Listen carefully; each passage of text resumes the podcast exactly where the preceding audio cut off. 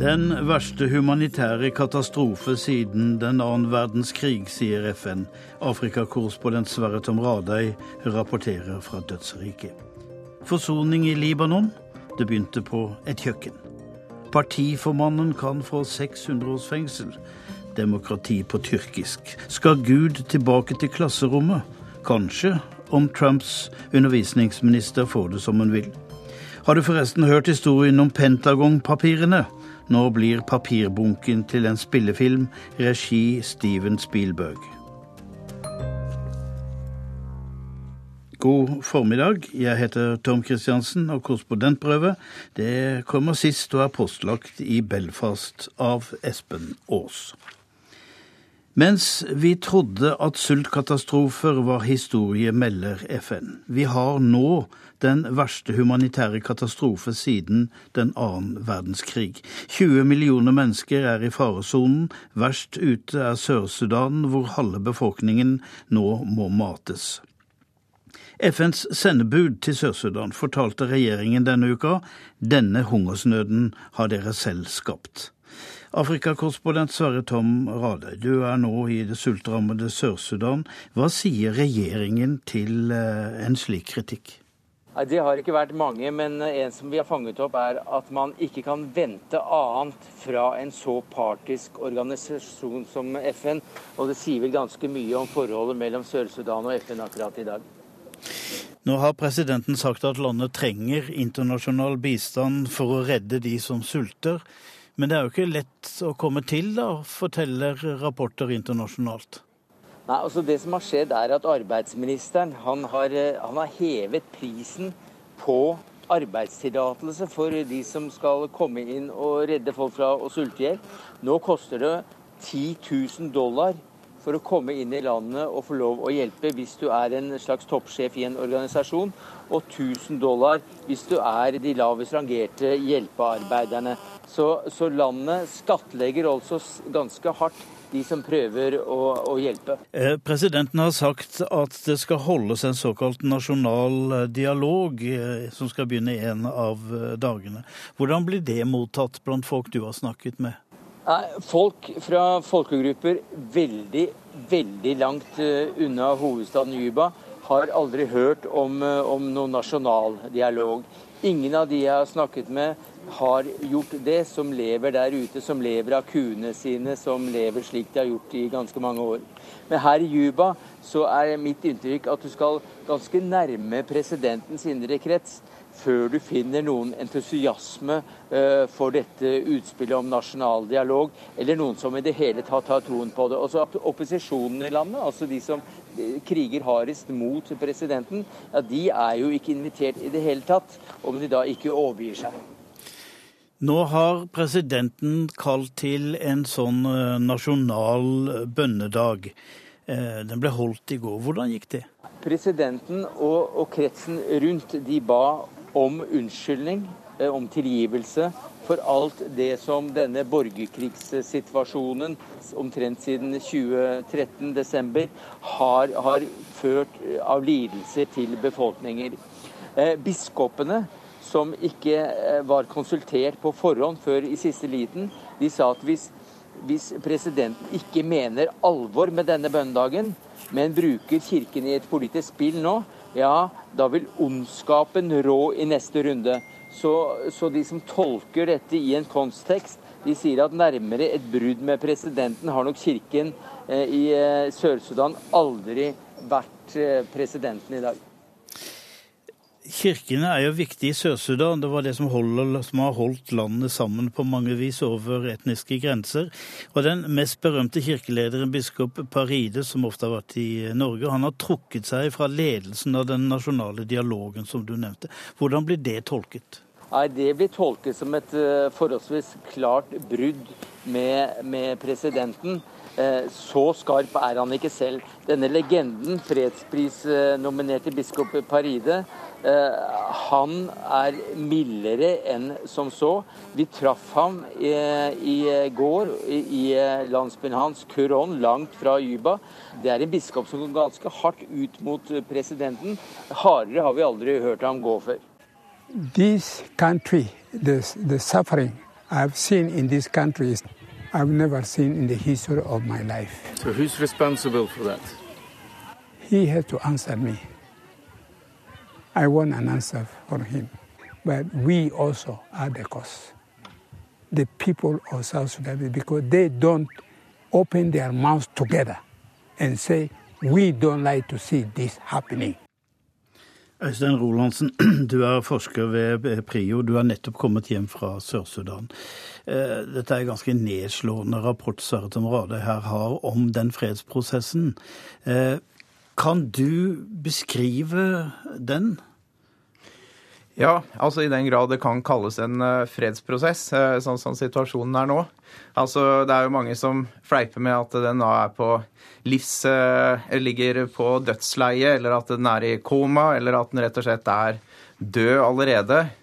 Det som har skjedd, var jo at det ble jo et forlik i august 2015 mellom da opprørerne og myndighetene, altså leda da Riek Mashar på den ene sida, Salwa Kiir på den andre. Så gikk det en stund, eh, fram til april eh, i fjor. Eh, og så klarte da opprørerne å komme til hovedstaden, og man klarte å danne da denne samlingsregjeringen. Men det varte jo ikke så veldig lenge. Og nye kamper brøt jo ut da i juli eh, i fjor. Og, det, og, på det tidspunktet så kan man godt si at den avtalen eh, gikk i vasken da, eller havna i koma, sånn som vi ser det nå. Og da, Vi kan komme tilbake til men eh, da gjorde jo også det internasjonale samfunnet en ganske stor eh, tabbe, sånn som jeg ser det. Hvilken? Det var at de da eh, gikk med på å godkjenne da eh, presidenten og hva skal jeg si, regjeringssidas kandidat eh, til eh, å være representant for opprørerne. Absurd nok. Altså Taban Deng, som da ble utnevnt som visepresident. Sånn at det nå fortsatt ser ut at man har en skinnprosess som da også gir anstøtet da, til denne her nasjonaldialogen. Så det, er en slags sånn teaterforestilling hvor det ser ut som man da gjennomfører en fredsavtale som ikke eksisterer. Riek Mashar eh, ble jaget ut av landet, han var visepresident, han ble også avsatt som det. Uh, bor nå i Sør-Afrika. Har opposisjonen en samlende figur i uh, Sør-Sudan? Så langt så er det helt klart at Riek Mashar har vært eh, den viktigste samlende personen for eh, opprørerne. Og det er nok mest fordi at han da står så tydelig imot eh, det sittende regimet, da, leda av Salwa Kiir, og krever, altså, krever valg og krever reform. Og ikke minst altså en føderasjon, fordi det er jo store rivninger i landet, og mange ønsker da å ha mer selvstyre i de ulike regionene i Sør-Sudan. Så det men det har jo skjedd nye ting nå i det siste. En eh, relativt eh, karismatisk general, Thomas Cirillo, har eh, hoppet av. Han har starta sin egen bevegelse nå. Nå er spørsmålet da om han og Riek Mashar klarer å samle seg til en felles front, eller om det blir da den gamle historien i Sør-Sudan om ulike opprørere som slåss seg imellom, istedenfor å samle seg da mot en eventuell mot en endring. Men samtidig er det jo noen vanvittige rapporter om vold i eh, Sør-Sudan som eh, hinsides all begripelighet. Ja, det, det, har vært en enormt brutal eh, krig, og dessverre så har den da også spredd seg fra nordøsthjørnet i Sør-Sudan til å dekke mesteparten av landet nå siden juli, siden Riek Mashar forlot landet. Og det er, ja, det er, jo, altså det er jo snakk om voldtekter, drap fordrivelser, brenning av hus, nonner Altså det er det, det, går ganske vilt for seg, for å si det sånn. Men det verste med dette er, sånn, er jo da den enorme fordrivelsen av folk. Altså at det er hundretusenvis, det nærmer seg to millioner som er blitt fordrevet i Sør-Sudan. Og det er en ganske stor andel av befolkninga, og de lever da under ganske kummerlige forhold, enten inne i Sør-Sudan eller i nabolandene. For en tid siden ble det sagt at konflikten her var kampen mellom to litt store egoer, Riek Mashar og Salwa Kiir. Er det en for enkel problemstilling? ja, jeg tror, tror, vi må trygt uh, kunne si det. Uh, altså det, Bare det at man nå da har uh, forsøkt å trekke inn Taban Deng istedenfor Riek Mashar, og trodde at han, hvis man da bare kvitt sendte Riek Mashar til Sør-Afrika, så ville alt ordne seg, det viste seg å ikke stemme. Ser du noe håp i den situasjonen som er nå? Det, det, det, er en del endringer, altså særlig det her på altså at på den ene sida at regimet blir stadig svakere. De, et eller annet må, må, skje, sannsynligvis, men hvor lang tid det går, og hvor mange som må lide i den perioden, det er vanskelig å si. Men det er, det er muligheter for endringer nå. Men hvor fort det kommer, det er vanskelig å si. Øystein Rolandsen, forsker ved PRIO, takk for at du kom. Bare vent litt, så.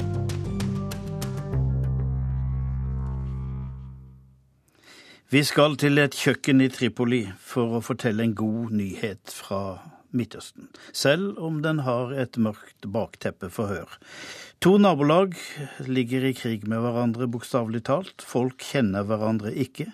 De er blitt smittet av krigen i nabolandet Syria. Men så lager noen et felleskjøkken der kvinner fra begge nabolag lager mat sammen. Midtøsten-korrespondent Kristin Solberg har vært på kjøkkenet i Tripoli.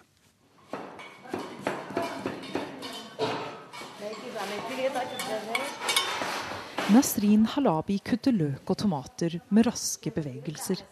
Ved siden av henne står Halima Ahmed og smører ost på brød. To kvinner på et kjøkken. En scene dagligdags verden over, men akkurat her, i denne byen, i dette nabolaget, ville scenen ha vært helt utenkelig for bare to år siden.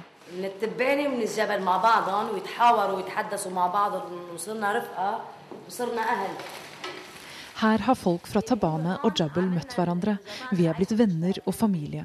Pga. dette stedet er Jabel og Tabane blitt forent, sier Nesrin. Nasrin og Halima bor rett ved hverandre, men før de møttes på kjøkkenet, kjente de hverandre ikke. De kommer fra nabolag som lenge har vært i konflikt. Babel Tebene og Jebel Mosen i Tripoli nord i Libanon ligger tett inntil hverandre og er like på mange måter. Husene her er slitne. Klærne som henger til tørk ut av vinduene, er utvaskede. Furene i ansiktene på de voksne vitner om liv langt fra sus og dus. Men når en gjest kommer, er kaffen alltid klar. Begge steder. De to nabolagene er skilt av en hovedvei som heter Syriagaten. Det er et treffende navn, for nettopp Syria har satt sitt preg på hverdagen her de siste årene. Jebel Mosen er befolket hovedsakelig av alawitter, mennesker som tilhører samme religiøse sekt som Syrias president Bashar al-Assad, mens Babel Tabene hovedsakelig er befolket av sunnimuslimer. Da krigen i Syria brøt ut, falt nabolagene ned på hver sin side.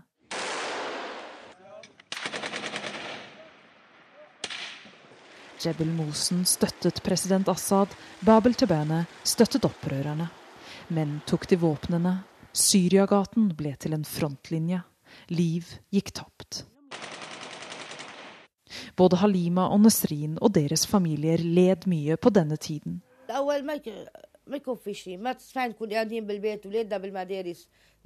Halima husker at hun løp ut for å hente barna hjem fra skolen hver gang kampene brøt ut. På den andre siden av Syriagaten, hjemme hos Nesrin, holder en papplate trekken ute fra stuen. En rakett landet på huset, og stuevinduet ble aldri som før. Det ble heller ikke barnas søvn. På barnerommet som tilhører tre døtre, står sengene tomme og oppredd. De våknet en natt av kampene og måtte flykte ut fra rommet. Siden har de ikke sovet her igjen, ikke en eneste gang, sier Nesrin.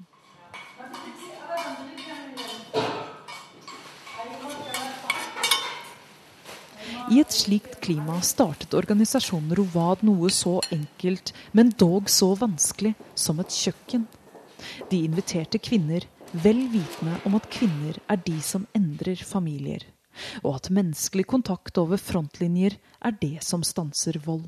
So the idea was to bring together women from both communities that are really um, in conflict, uh, and to bring them to cook together and to uh, bridge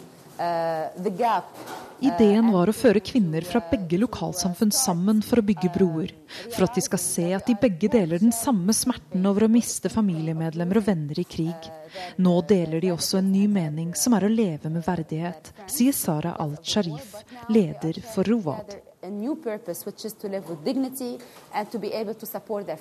financially. I dag er våpnene stilnet i Tripoli, i hvert fall inntil videre. Den libanesiske hæren står godt synlig i begge nabolag. Men ennå er det slik at kjøkkenet, som ligger på nøytral grunn i Syriagaten, har to innganger. En fra Bab el-Tebane, den andre fra Jebel Mosen.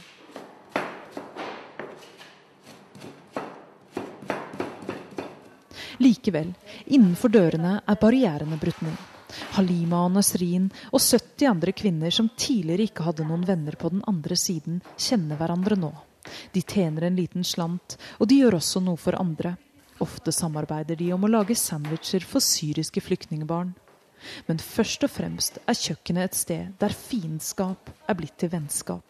انه بالاول كنا نس... نلاقيها صعبه كثير انه هيدي من الجبل مثلا هي متبانه انه العالم بتحس العالم إنه vi synes det var vanskelig i begynnelsen at folk fra Tabane og Jebel skulle ha kontakt.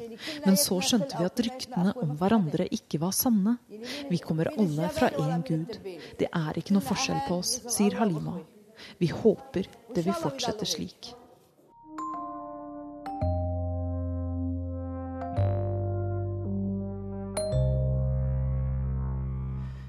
Å drive politikk uten politikere er ikke enkelt. Det vet det tyrkiske venstrepartiet HDP alt om.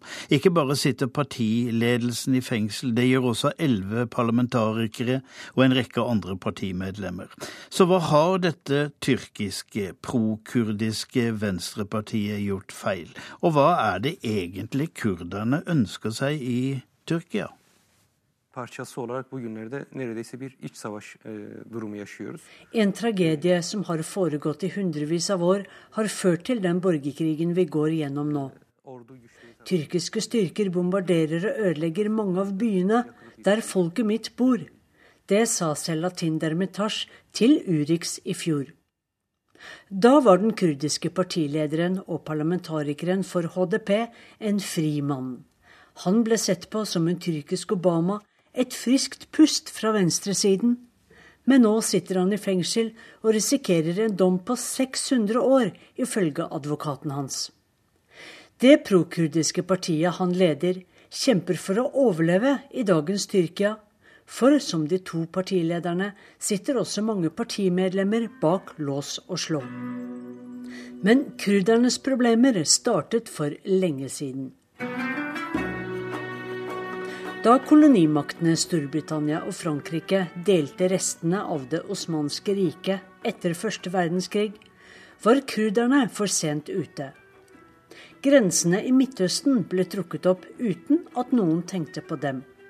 Kurderne havnet i fire land Irak, Syria, Iran og de aller fleste i Tyrkia. For å holde på det lille som var igjen av det en gang så mektige osmanske riket, var nasjonsbygger Mustafa Kemal Atatürk meget klar. Innbyggerne i den nye republikken Tyrkia skulle være tyrkere.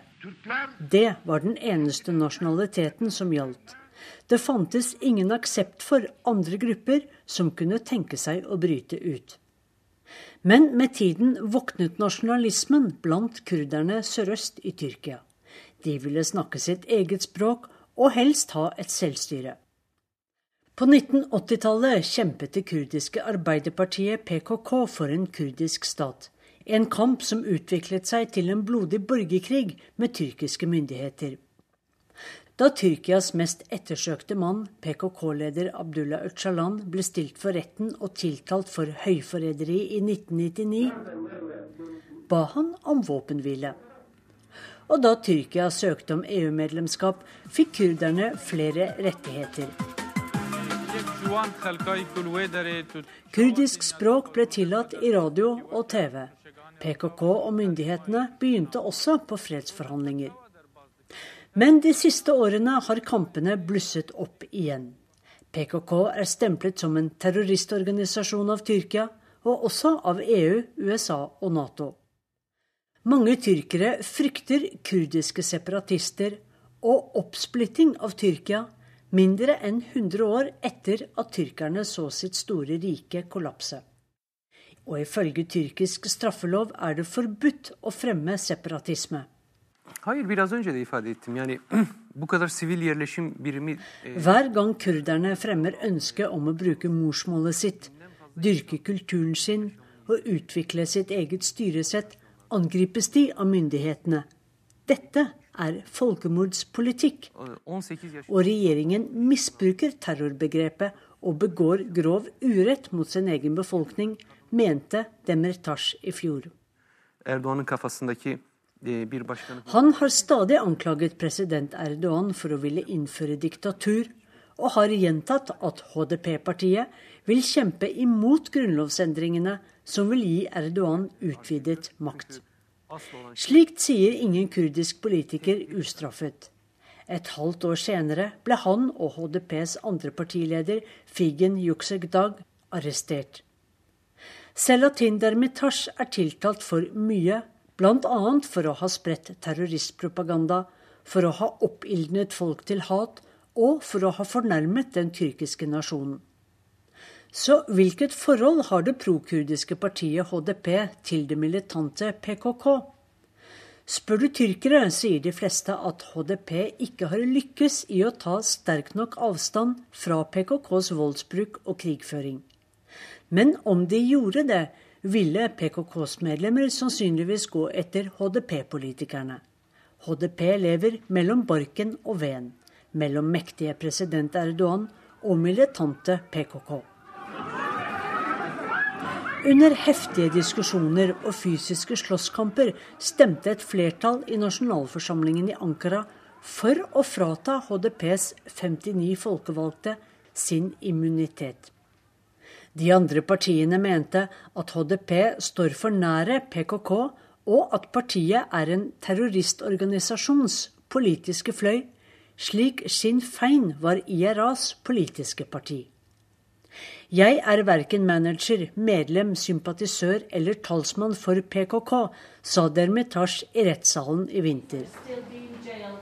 I HDPs hovedkvarter i Ankara denne uken traff NRK noen av partiets folkevalgte. De lever med vissheten om at også de kan bli arrestert når som helst. Ben e, açıkçası söylemek gerekirse bugün sözcü, parti sözcüsü Jeg fungerer som partiets talsmann nå, mens den egentlige talsmannen sitter i fengsel, sier Osman Baydemir. Og kommer du tilbake om en måneds tid, må du kanskje snakke med en annen enn med meg. Men vi vil alltid kjempe for en rettferdig fred. Vi vil alltid ta avstand fra vold, understreker Baydemir, som også er kjent som borgermester i Diyarbakir. Sağlığı iyi. Iyi. Selatin Dermitash har god helse og er ved godt mot selv om han sitter i isolasjon nå, sier advokaten hans Pinar Aktemir. Og siden han er folkevalgt, får han også jobbe en del i fengselet, sier hun. Men hvordan er det å være forsvarer for en politisk fange som risikerer 600 år i fengsel, spør jeg. zor değil aslında. Yani hani bu e, buradaki zorluk Det er ikke så vanskelig som du skulle tro. Vi har instrumenter og verktøy vi kan bruke. Nå står vi overfor et politisert rettssystem, og det er traumatisk og vanskelig. Men vi tror og håper dette er en periode som vil gå over, og at rettferdigheten vil seire til slutt, sier Dermitash sin forsvarer til NRK. Det kurdere flest håper på, er en fredsavtale mellom PKK og den tyrkiske staten. Tyrkias rundt 15 millioner kurdere skulle ønske at roen snart kunne senke seg sørøst i landet. Det sa Sissel Wold fra Ankara.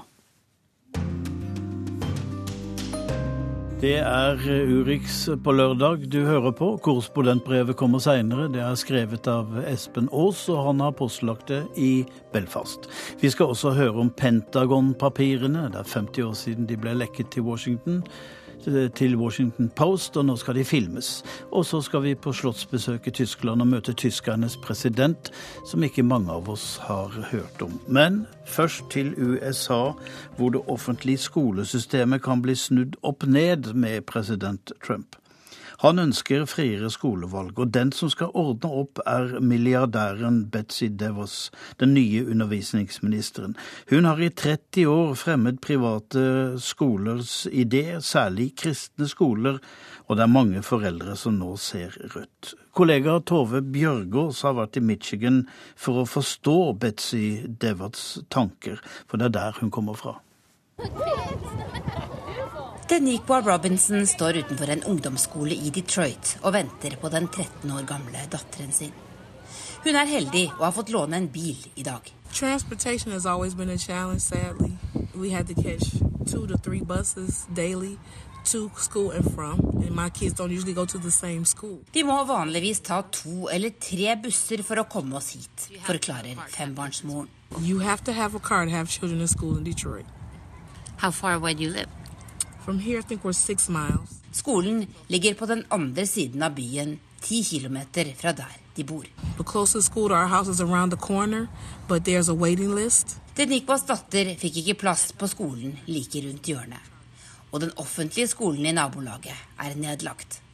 I blame a lot of it on her, sadly Jeg skylder på henne for mye av dette. Hun vet lite om å hjelpe familier med ulike inntektsgrunnlag, mener Denikwa. It was really wonderful to visit this school, and I look forward to many visits. Det er president Trumps utdanningsminister hun snakker om. Betzy DeVos kommer her fra Michigan, hvor hun i 30 år har jobbet iherdig for sin store hjertesak utdanning. Og redskapet hennes har vært penger. Would you be so kind as to tell us uh, how much money your family has contributed to the Republican Party over the years? Dette er Bernie Sanders i godkjenningshøringen hennes i Senatet. Thank you um, for that question. Um, I wish I could give you that number. I don't know. I have heard the number was 200 million. Does that sound in the ballpark? It, collectively, between over the my years, entire yes. family, that's that's possible. DeVos-familien er mangemilliardærer og har trolig gitt rundt 200 millioner dollar til det republikanske partiet og mange millioner til utdanningsformål i hjemstaten og andre steder. DeVos har vært opptatt av å slippe fram andre skoler enn vanlige offentlige. I Detroit har det lenge vært krise i det offentlige skolesystemet, og for 20 år siden presset DeVos på for å starte et eksperiment her. Myndighetene satset hardt på såkalte offentlige charterskoler. Dette er skoler som får offentlige penger, men opererer utenfor det offentlige systemet. Skolen barna strømmer ut av i Detroit, er en slik skole. Datteren til Deniqua og de to barna til Hillary Young går her. Hillary mener charterskolene har skapt fullstendig kaos i denne byen. Our kids' education should not be treated like a business. It doesn't work. It's been a complete failure because instead of you know, putting the pressure on those schools, what they've ended up doing is they've put the pressure on these kids now. Hillary Young er heldigere stilt enn Deniqua. Hun har bil, hun er hjemmeværende, og hun bor i nærheten. Nå bruker hun til gjengjeld det meste av tida si til å sørge for at skolen til barna hennes fungerer. They don't have what it takes. They don't fully know what it takes to run a school. And so Den har hatt ny rektor hvert år, stor lærermangel og var lenge administrert av et privat selskap i Florida. So I need you to do this. If you are playing with Play-Doh, I need you to put the Play-Doh back inside. Ved Grand Rapids kristne skole ti mil unna er framtidsoptimismen langt sterkere. I. I want to have Matthew Pikachu is. Betzy DeVos har selv hatt barn på denne skolen. Og i tiår har den nytt godt av DeVos-familiens giverglede, forteller skolesjef Tom de Jong. Supported um. Nå har han forventninger til hva DeVos kan få til nasjonalt. I believe that Betsy's leadership will be seen in a variety of ways, and I'm excited that she's able to um, express at a national level what she has been very visibly able to express within uh, West Michigan and certainly throughout the state of Michigan. We want to thank you for serving America. Uh, thank you. Wow. Come on over here. Come on over here, kids. Let's get. We're gonna make you famous, okay? Det er delstatene som rår over mye av utdanningspolitikken i USA i dag. Men president Trump lover å bedre det frie skolevalget. Education is the civil rights issue of our time. Det snakket han om da han og Betzy DeVos i forrige uke besøkte en katolsk skole i Florida. Skattefradrag som kan føre til flere stipender for elever på kristne privatskoler, er ett forslag de ser på. Betzy DeVos kritikere mener målet til den dypt religiøse utdanningsministeren er å styrke kristne skoler og foreldre som vil undervise barna sine hjemme. Og de frykter at dette vil svekke det offentlige skolesystemet, slik folk i Detroit har opplevd. Hillary Young er på vei hjem med sine to barn i bilen. Hun kunne ha flyttet ut av byen og funnet en bedre skole til dem. Men mannen er prest, og ekteparet ønsker å bidra i lokalsamfunnet sitt. Hillary vet også altfor godt at barna hennes er heldige sammenlignet med mange andre i byen der de bor. There are thousands of kids across the city that are just suffering and getting up at 5:30 in the morning and being scared to death to wait at the public bus station hoping that the bus is going to be on time hoping that the bus is going to come that day just to get a public education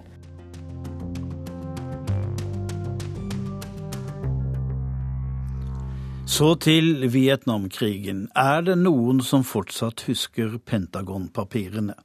Det er 50 år siden USAs forsvarsminister eh, Robert McNamara opprettet en egen hemmelig arkivgruppe i Pentagon. De skulle lage en totaloversikt over alt som skjedde i Vietnamkrigen, militært, historisk, politisk, både i felten og i Washington. De var 35, og en av dem var Daniel Ellsberg. Det var han som lekket The Pentagon Papers i 1971. Det skapte oppslag og debatt, skandaler og rettssaker, og nå storfilm av Steven Spielberg. Han har fått med seg skuespillere som Meryl Streep og Tom Hanks. Og noen ser allerede, før en eneste scene er skutt, paralleller mellom den gang og nå, forteller Joar Hoel Larsen.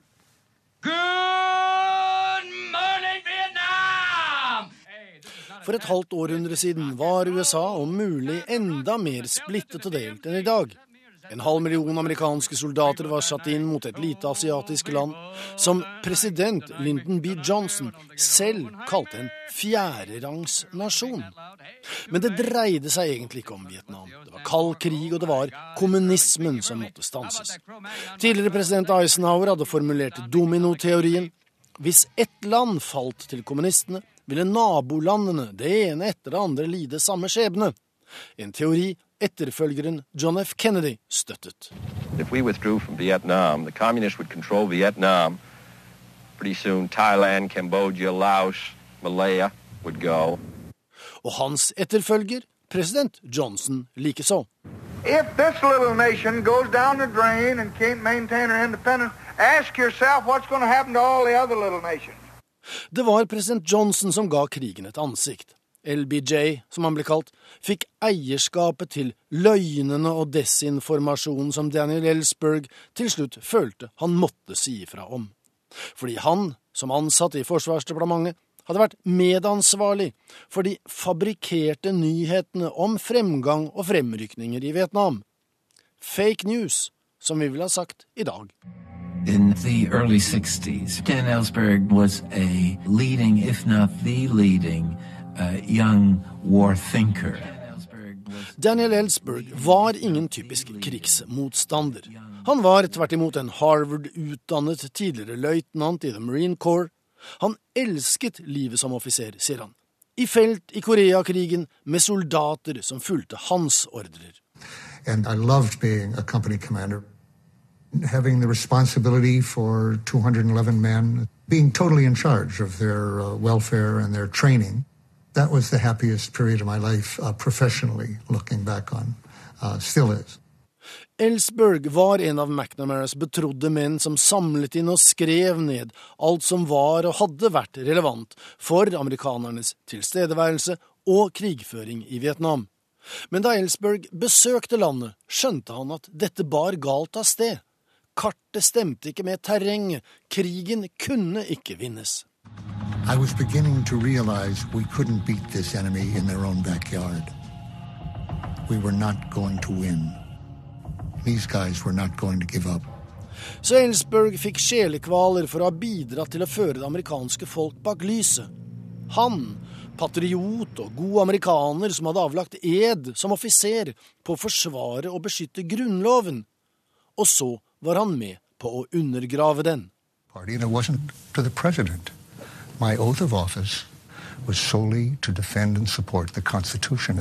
Was. Å føre folket bak lyset og lyve under ed er aktuelle problemstillinger også i dagens politiske Amerika. Men Daniel Ellsberg tok konsekvensen av det han etter hvert så på som et svik, og gjorde noe med det. For McNamaras hemmelige leksikon var ferdig. 7000 sider fordelt på 47 bøker. De var grundige og utleverende. De avslørte presidenter som løgnere. Hvordan de f.eks., uten å varsle de folkevalgte, hadde utvidet krigen til å omfatte Laos og Kambodsja, brutt løfter og holdt tilbake informasjon.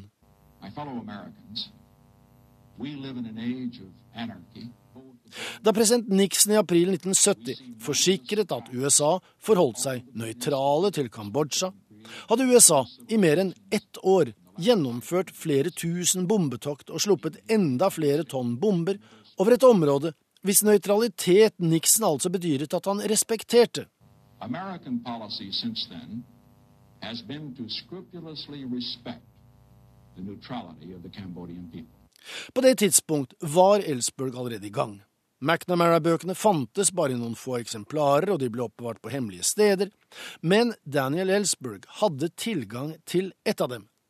Siden han var en Washington insider, av den typen president Trump i dag forakter, så gikk han til Det hvite hus og snakket med Nixons sikkerhetspolitiske rådgiver, Henry Kissinger, som han kjente fra Harvard.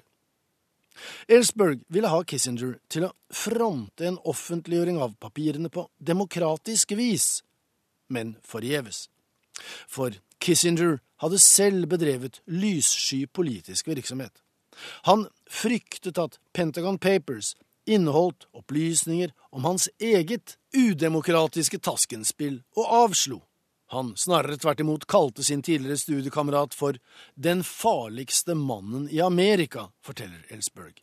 He was afraid, however, with good reason, that I had information on his own nuclear threats and his own threats of escalation. De folkevalgte toet sine hender. De hadde sine gjenvalg å tenke på og en rettskjennelse forhindret New York Times i å publisere Pentagon-papirene. Myndighetene gjorde hva de kunne for å knebe varsleren Ellsberg, og president Nixon var svært så lite fornøyd med det han anså for å være en utro tjener, og det som verre var.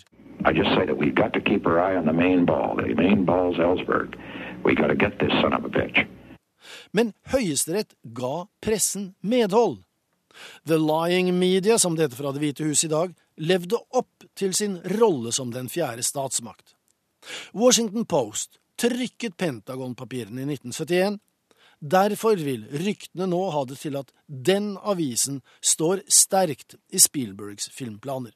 Der Tom Hanks angivelig er tiltenkt rollen som redaktør Ben Bradley, mens Meryl Streep, overvurdert, ifølge Donald Trump, etter alt å dømme skal gestalte hovedstadsavisens legendariske eier Catherine Graham, i filmen som visstnok har arbeidstittelen The Post. Og hvis du syns du har hørt dette før, redaksjonslokalene i The Washington Post, Catherine Graham og Ben Bradley, Det hvite hus og Nixon, løgnaktige politikere og sannhetssøkende forsvarere av ytringsfriheten, ja, så har du det. Men det var Watergate og en annen film, men på mange måter To sider av samme sak, den gang som nå. For historien har en tendens til å gjenta seg. Og Daniel Ellsberg lever i beste velgående. Han fyller 86 år neste måned.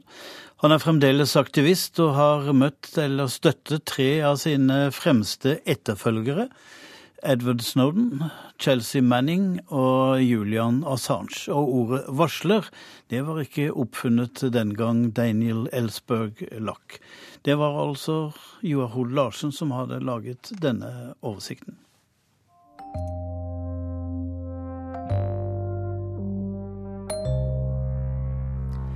I Tyskland går en gammel mann av denne uka, og mange kjenner ham ikke. President Joachim Gauck. Han vil mange tyskere savne. Han er en mann som ofte har gått ut av rollen som president pga. sitt politiske engasjement. Han har bodd i et slott, og det var der Berlin-korrespondent Guri Nordstrøm traff ham.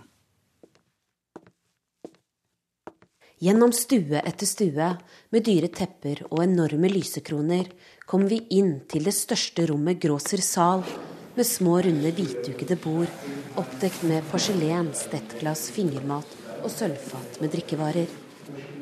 Vi er over 400 korrespondenter fra rundt 60 land her i Berlin, og i kveld er vi alle invitert i avskjedsfesten til en mann som snart skal gå av. Tysklands ellevte president Joachim Gauck har hatt sin såkalte førsteresident her på Schloss Bellevue de siste fem årene. Men egentlig har han bodd i det fornemme området Dahlem sørvest i Berlin. Bellevue-slottet, som har ligget rett ved elva spre i Tiergarten siden 1786, har heller blitt brukt til å ta imot statsbesøk, ambassadører og folk flest under det årlige åpen dag-arrangementet. Den hvite barokke og klassisistiske bygningen ble bygd av prins Ferdinand av Prøysen, lillebroren til kong Fredrik den store, mest kjent for å være en av de fremste representantene for det opplyste eneveldet. Siden 1994 har dette vært den offisielle adressen til Tysklands presidenter. De har stort sett vært opplyste, men langt fra eneveldige.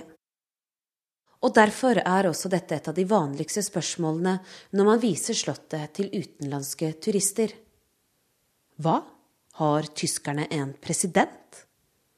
Og ja, det har de.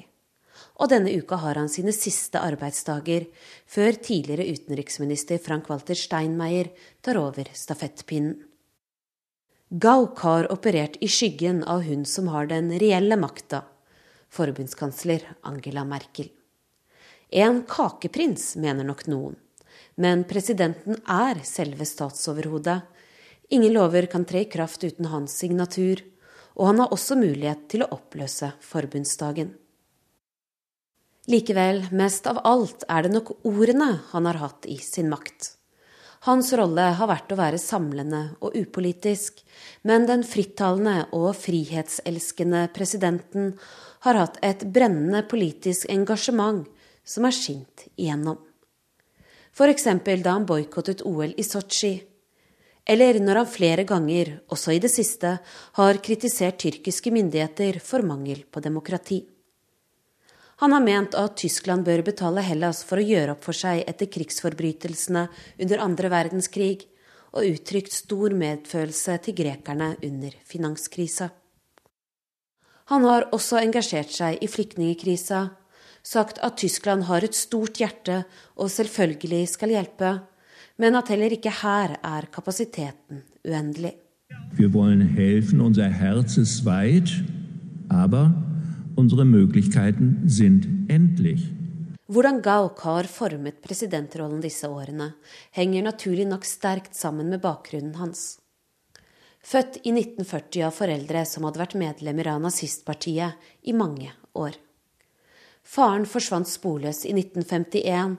Først to år senere fikk familien vite at han hadde sonet i en arbeidsleir i Sibir. Han kom utsultet hjem, noe som skal ha lagt grunnlaget for Gauks hat mot kommunistregimet. Han vokste opp i det tidligere DDR, og i en ideologi der religion negativt ble kalt for folkets opium, valgte han å studere teologi og bli prest. Han var en aktiv borgerrettsaktivist og med på å danne opposisjonsbevegelsen Neues Forum. Etter murens fall ble han sjef for forvaltningen av Stasi-arkivet, som ble åpnet slik at folk på egen hånd kunne lese om diktaturets overgrep. Kampen for menneskerettigheter gjorde at da han ble lansert som presidentkandidat, var det under tilnavnet Hjertets kandidat. Og hvis Gauck selv hadde ønsket det, hadde han lett blitt gjenvalgt av forbundsforsamlingen for en ny periode som president. Også 70% av tyskerne skulle gjerne ha sett at den blide og uhøytidelige mannen ble sittende i fem år til. Men i en alder av 77 år har han bestemt seg for at han vil gå av med pensjon. Til oss utenrikskorrespondentene som er samlet på Slottet denne kvelden, sier han at han gleder seg til det, men at han er dypt bekymret for den veien Europa tar nå. Ikke la dere forføre, sier han. Av nasjonalismen vi ser flere steder i Europa. Husk hvor galt det gikk den gangen Tyskland lot seg forføre av disse kreftene, og lær av det. Derfra til korrespondentbrevet for denne uken. Det er postlagt av Espen Aas i Belfast, hvor han nettopp har vært. Det handler om fred, forsoning og Gud, og om det motsatte. Elskling, kan du sende meg sportsdelen? Sportsdelen?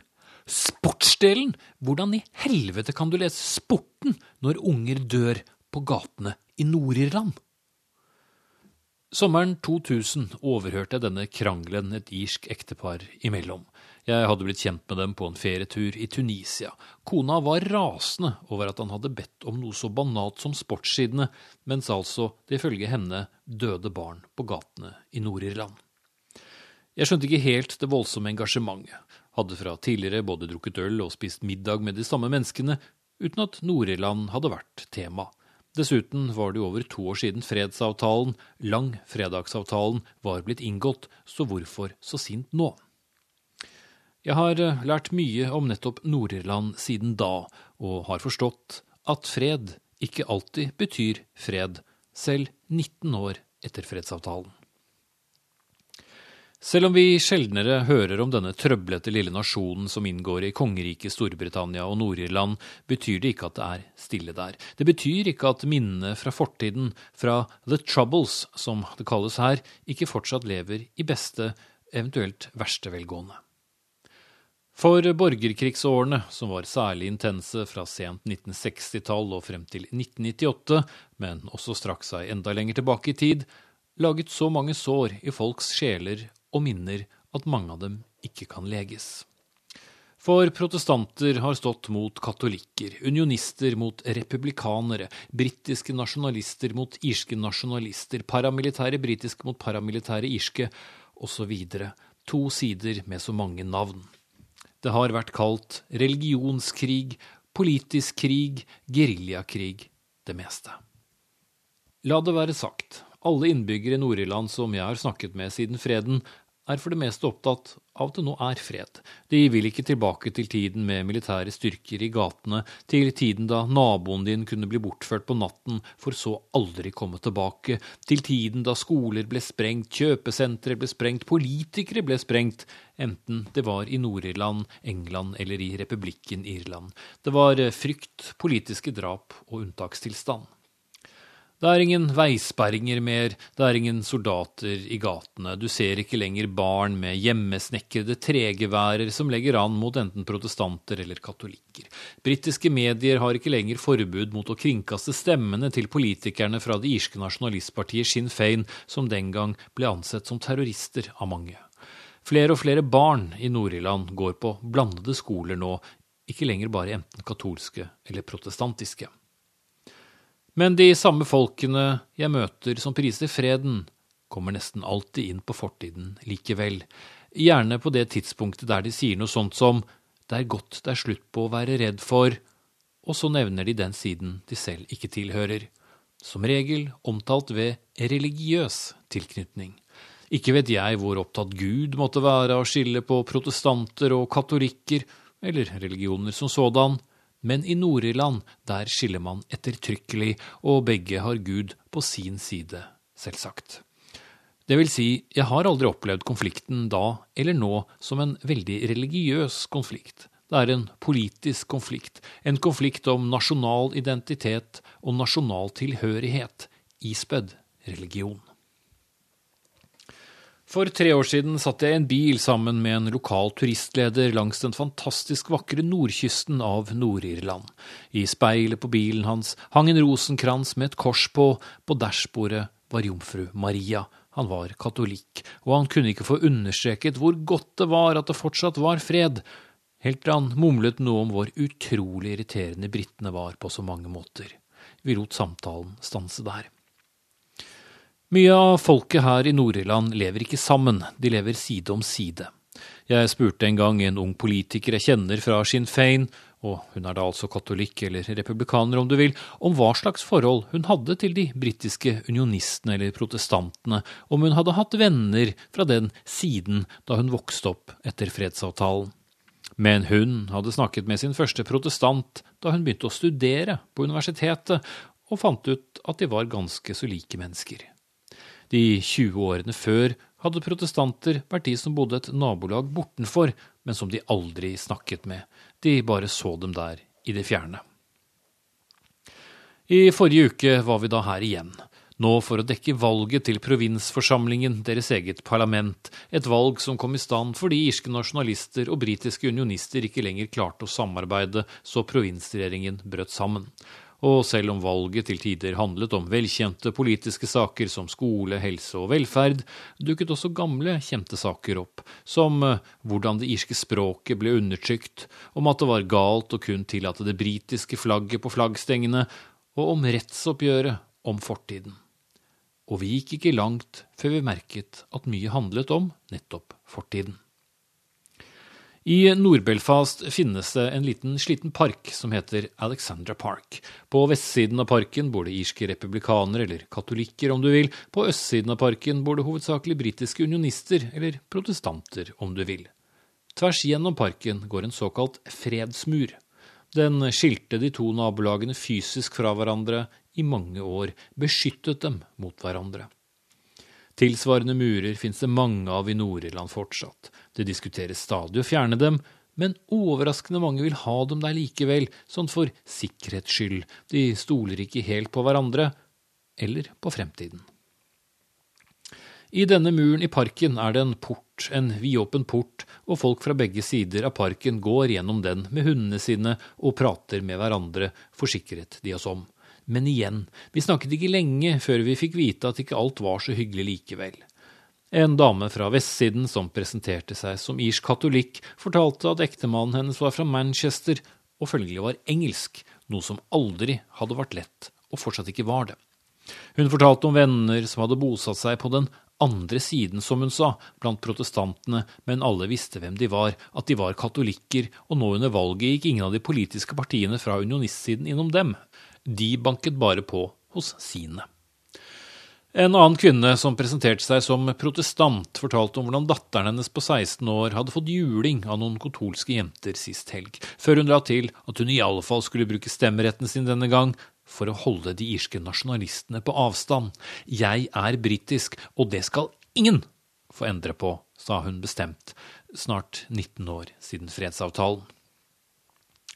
Og mens vi kjørte rundt i henholdsvis katolske og protestantiske deler av Belfast, dukket stadig de kjente veggmaleriene opp der stolte medlemmer av den irske republikanske hær, IRA, eller stolte medlemmer av lojalistiske paramilitære unionistgrupper veiver med sine geværer bak finlandshetter eller balaklavaer, og stadig de såkalte fredsmurene med graffiti og noen steder fortsatt piggtråd på toppen, og de typiske nordirske pansrede politikjøretøyene som minner mer om stridsvogner enn biler.